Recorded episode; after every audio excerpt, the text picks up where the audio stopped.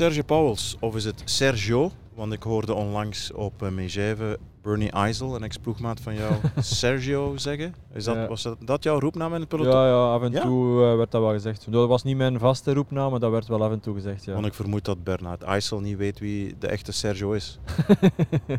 Sergio Quisquater bedoel je dan? Nee, nee die, die zal ik niet kennen inderdaad. Over quizquaters gesproken, wat doen de Denen hier allemaal in de Tour? We kwamen zo net ook onze Deense radiojournalist eh, tegen. Die jongen zei van ja, ik ben hier moederziel alleen, maar ik heb heel, heel veel zin om een fles eh, bubbels te kraken. Ja, het is ongelooflijk. Hè? Het is begonnen natuurlijk in Kopenhagen. Hè? Magnus Kort, elke dag vooruit, bolletjes trui. Wint dan later een rit. En zeker ja, nu de laatste dagen. ehm, ik denk sinds dat ik in de Tour ben, hebben de Denen alle- alleen nog maar gewonnen, hè, Christophe. Ja. Hoe verklaar je dat? Eh, wel, de Denen hebben altijd hele goede renners gehad. Of weinig renners, maar altijd hele goede. Hè. In de tijd ook Rolf Seurensen, Bjarne Ries. Eh, toen waren er maar een, stuk of vijf Denen in het peloton, denk ik. Maar het waren altijd eh supergoeie renners. Brian Holm, Jesper Skibu. Ehm, het is altijd zo in het verleden geweest. En ja, nu hebben ze natuurlijk tien renners in deze ronde van Frankrijk. Maar ja, ze gaan waarschijnlijk met geel naar huis. Ze hebben al eh, drie ritzegens en het kunnen er nog meer worden natuurlijk. Ja. Af en toe wordt er eens gezegd, ja, eh, harde, harde koppen, wind, natuur, alleen fietsen tegen de wind. Schuilt daar een grond van waarheid in of is dat toch een beetje flauw? Daar heb ik eigenlijk niet zoveel zicht op. Ehm, het zou wel kunnen natuurlijk. Ze worden... Ja, niet, ze, ze leggen er niet de, de straatstenen mee, om het zo te zeggen. Maar er zijn wel... Ja, de renners die er zijn, zijn wel, eh, zijn wel gewoon hele goeie. En ja, Vingegaard die is dan eigenlijk echt nog een beetje uit het niets gekomen. Hè, want Ja. dat was niet de grootste coureur eh, bij de jeugd, hè, bij de beloften. Maar in 2019 won hij plots bijna uit het niets eh, een van de zwaarste ritten die ik ooit heb gereden in de Ronde van Polen. Ja, won hij ehm, volle- volledig vanuit de anonimiteit. Dus, en sindsdien is het alleen maar bergop gegaan natuurlijk. Ja. Ehm, toen jij nog in het peloton zat, werd daar over gesproken, over eh, Ries en wat er gebeurd is in de jaren 90 en hoe ver die man toen ook gegaan is met dopinggebruik en of dat al verteerd is in het eh, Deense wielrennen en in Denemarken. Want er was bijvoorbeeld niet welkom bij de Grand Départ in Denemarken. Weliswaar, ja, omdat Fransen aan het hoofd staan van die Tour de France, mocht eh, Denemarken dat hebben georganiseerd, was dat misschien wel zo geweest. Werd daarover gesproken? Nee, niet echt eigenlijk. Eh, maar Ries is natuurlijk wel een figuur geweest ja, die nog in het wielrennen zat in het begin van mijn carrière. Hè. Zelfs eh, tot een jaar of twee geleden een soort comeback heeft gemaakt bij, bij NTT dan, bij de ploeg van eh, Douglas Ryder, hè, bij Dimension Data voordien, waar ik toen gezeten heb. Maar ik heb zelf Ries niet meer gekend. toen hij voor een, ja, een aantal jaren, één of twee jaren, denk ik, ja, nog een deeltje heeft uitgemaakt van die ploeg. Maar nu weer ehm, ja, eigenlijk meer uit het wielrennen is en, en niet meer echt eh, bij een of andere ploeg eh, eh, gelinkt is. Zeg dat begin vandaag. De jongens hebben allemaal op eh, 1800 meter geslapen. Dat sowieso al. Tweede, na twee zware Alpen-etappen. Die van Megève tel ik gemakkelijkheidshalve niet mee. Ehm, Mhm. En dan zo furieus starten. Hoe, hoe kan dat? Hoe kan dat? Ja, ehm, de reden ligt erin dat, eh, dat iedereen wel wist dat hier vandaag een kans lag voor de ontsnapping.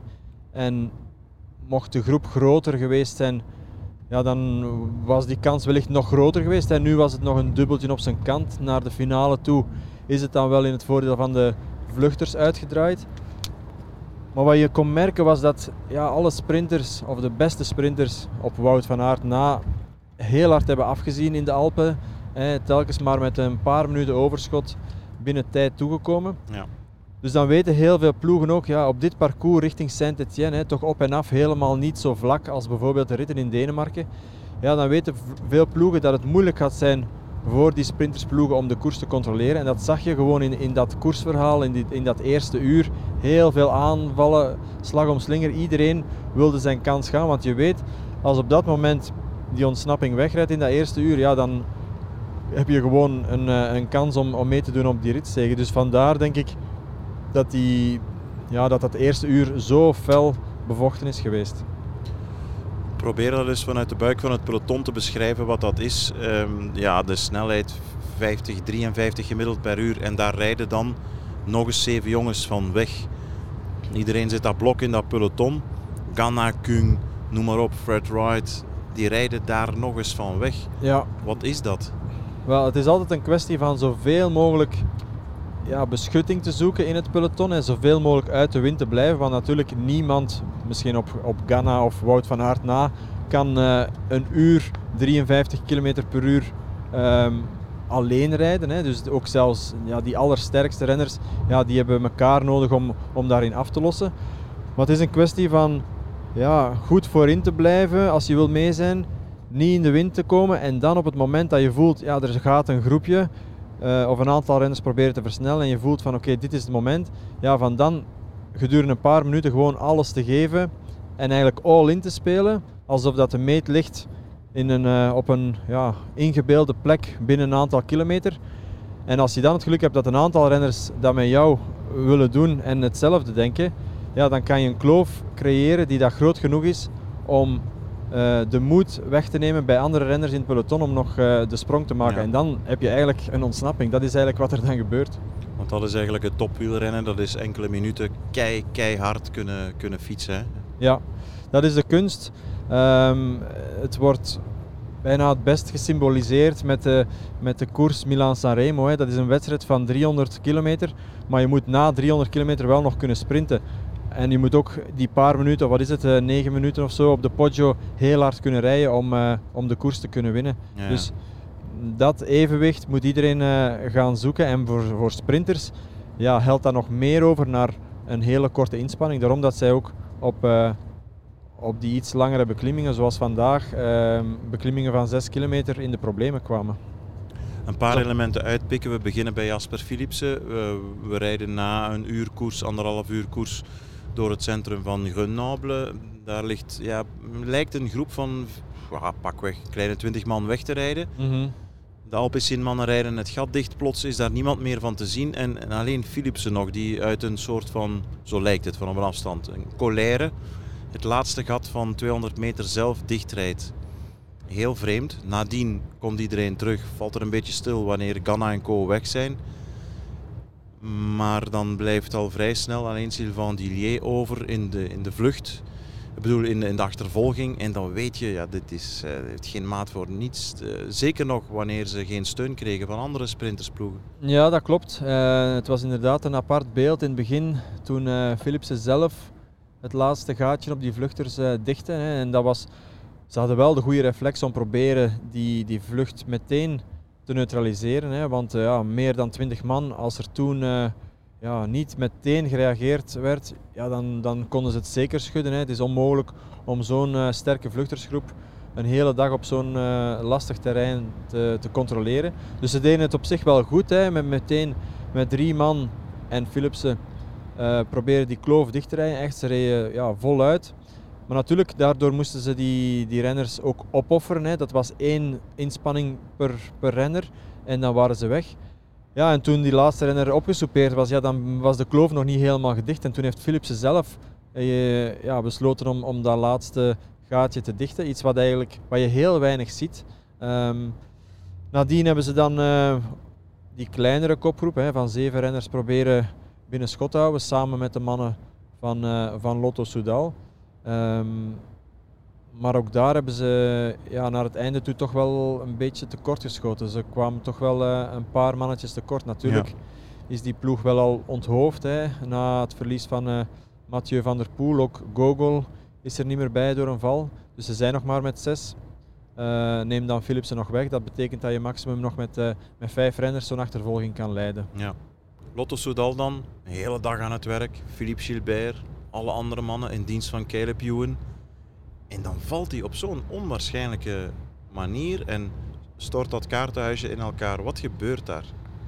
Ja, het was eigenlijk een, een, een vreemd beeld opnieuw. Philippe Gilbert die, uh, die eigenlijk die bocht volledig verkeerd inschatten. En um, ja, het is eigenlijk ook niet de eerste keer dat dat gebeurt. Hè. Denken we maar aan zijn, uh, zijn val in de ravijn in de Tour een aantal jaar geleden. Mm -hmm. Maar ook uh, in deze Tour, toen hij de ontsnapping was de dag na de rustdag, heeft hij ook een keer een, een, een bocht verkeerd ingeschat. En nu ook uh, opnieuw, hij, hij ging uh, rechtdoor en daardoor ja, verloren die andere mannen Ja, van, ehm, van Lotto Soudal, zijn ploegmaten ook eh, volledig de concentratie. Moesten allemaal bijsturen. Het leek wel alsof ze echt eh, door de vermoeidheid van de voorbije dagen te weinig geconcentreerd waren. En ehm, op een onnozele manier werd ehm Caleb Ewan dan ja, weggecatapulteerd over de fiets van, eh, van Frison, denk ik dat het was. Niemand doet dat met opzet en het klinkt vreed. Maar eigenlijk was het dus de fout van Gilbert, als ik jou goed begrijp. Wel, ik denk dat Gilbert eerst de fout maakte. Ja, en natuurlijk, iedereen is verantwoordelijk voor hoe hij een bocht instuurt. eh, maar ik denk wel, doordat Gilbert die, die bocht eh, verkeerd inschatte, zijn die ploegmaten ja, min of meer meegevolgd. En dan ontstond er chaos en moet je een, in een fractie van een seconde een keuze gaan maken. Ga je links, ga je rechts, stuur je rechtdoor. Ehm, en als dat niet allemaal synchroon verloopt, ja, dan eh, ja, schuift er één iemand eh, onderuit of, of valt er één iemand over, eh, over de andere renner. Dus jammer genoeg, want ja, dit was wel een kansje, denk ik, voor hen om, om, om voor een sprint te gaan. Ja. Dan nog een ding, Serge. Ehm Bike Exchange is pas op kop komen rijden van het peloton nadat Alpecin weg was. Oké, voor Michael Matthews. En toen ik je dat voorlegde op de radio, zei je, ja, dat is typisch wat José de Kouwer zegt, het bord van een ander leeg eten. Oké, kan ik inkomen. Maar normaal gezien in een etappe waar sprinters of ook andere ploegen mee een kans te maken op de overwinning, zie je toch altijd twee, drie ploegen die een mannetje bijzetten vooraan. Waarom is dat dan vandaag niet of veel te laat gebeurd? Ook eh, Jonas Ricard bijvoorbeeld, hè, een, een ploegmaat van Philipsen die thuis zat, die tweette van ik begrijp niks meer van koers.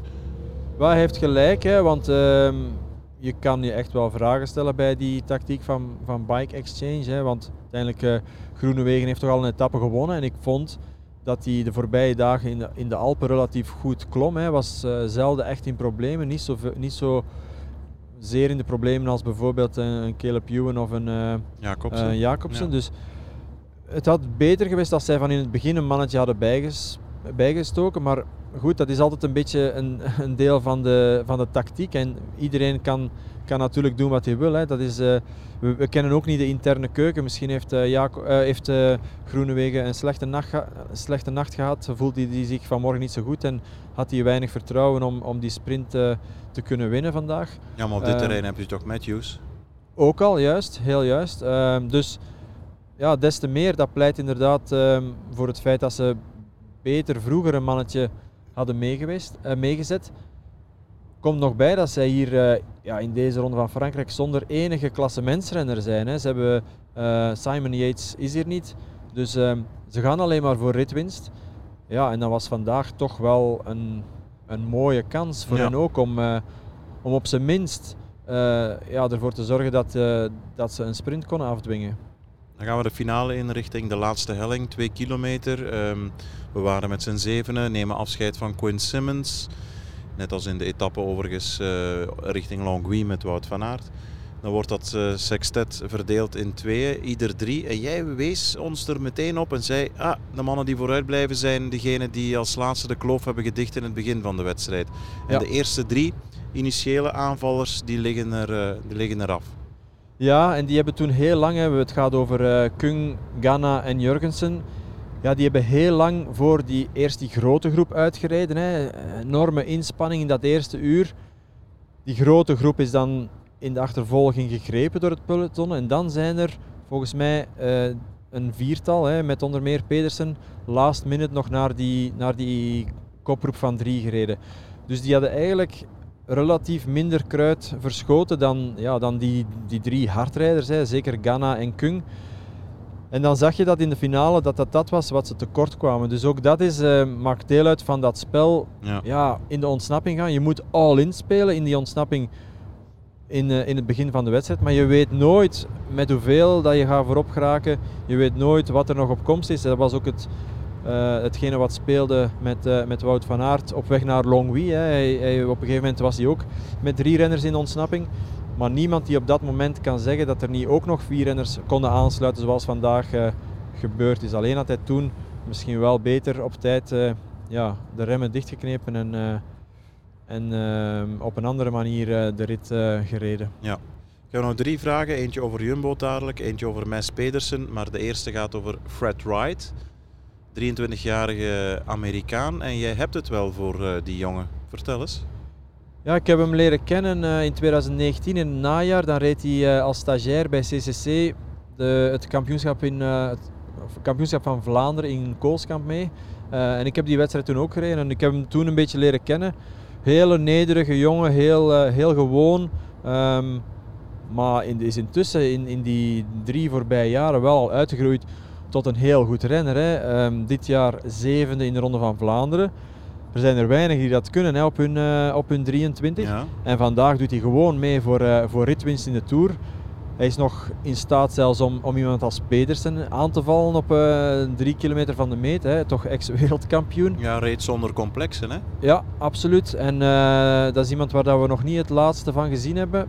Hij komt natuurlijk nu meer en meer hè, in de picture. En het is een van die ja, coming youngsters, zal ik zeggen. Um, maar absoluut wel iemand wat, die... Wat voor type renner is het als je het op dit geaccidenteerde parcours kan? Gaat hij dan evolueren als snelle man richting een type ja, Stuiven, Matthews of ja. wat zie je in hem? Ja, ik zie hem uh, meer echt als een, als een klassieke renner evolueren. Hè. Misschien zo... Misschien wel een beetje type van Baarle. Um, hij, hij, is echt gewoon sterk, ziet er ook redelijk relaxed uit altijd op de fiets. Um, ja, hij, hij, gaf me vandaag ook in de finale echt een hele frisse indruk. Ja, en dat in zijn, in zijn eerste ronde van Frankrijk. Ja. Um, dat, is, uh, ja, dat is toch wel een hele, hele knappe prestatie. Ja. Jumbo-Visma dan had vandaag makkelijk een uh, nieuwe ritoverwinning kunnen pakken met Wout van Aert. Is daar niet in geïnteresseerd. Een mens wil altijd wel meer natuurlijk, hè. is nooit tevreden. Um, hebzucht, maar goed, is dat de juiste keuze? Ja. ja, ik denk wel of het de juiste keuze is. Ja, je hebt natuurlijk nooit 100% zekerheid om die rit te winnen. Alleen dat het wel op een energiezuinige manier gekund. Of ze hadden uh, ja, op het einde bijvoorbeeld één of twee mannetjes kunnen bijzetten om, uh, om tot een sprint te komen. Maar we mogen niet vergeten ja, wat hun doelen zijn. Hè. Hun doelen zijn geel en groen en dat was heel duidelijk. Zelfs als Wout groen kon halen zonder een ritzege, ja, dan had hij daar nog voor getekend. Dus dat groen is eigenlijk al min of meer binnen. Het enige wat hem nog kan overkomen is ja, dat hij ten val komt. En, en op die manier de, de groene trui zou, zou verschieten door een, door een mogelijke opgave bijvoorbeeld eh, uit deze Tour. En ja, dan moet je dat in de weegschaal gaan leggen met een, uh, een extra ritwinst vandaag. Maar ja, een massasprint is nooit niet zonder risico. Dus ik denk dat zij op die manier geredeneerd hebben. En dat ze bovendien ook een soort um, ja, cadeautje wilde weggeven aan bijvoorbeeld een ploeg zoals Trek. Um, een beetje sympathie creëren aan, aan de vluchters. Ze willen ook niet te dominant overkomen, want ze zijn al enorm dominant. En ja, je weet wat er dan altijd um, met gepaard gaat. Hè. Dat is een, een beetje een verlies aan, aan sympathie, zoals dat in het verleden was bij, bij Sky. Dat willen ze absoluut uh, vermijden, denk ik. Ja. Mes Pedersen is bezig met het uh, ja, maken van een heel mooi palmares. Hè klassiekers staan al op zijn naam. Uh, rit in de Tour, top tijdrijder ook, uh, wereldkampioen geweest. Ja, dat is gewoon van zijn generatie een van de betere. Hè? Ja. ja, en het is uh, wel iemand die, die een beetje wisselvallig is, ja, als ik dat, mag zeggen. Um, je weet soms niet goed... Het moet goed staan met de kop. klopt. En, um, maar anderzijds, als hij wel goed is en als hij... Weet was, hij was vandaag de eerste aanvaller trouwens.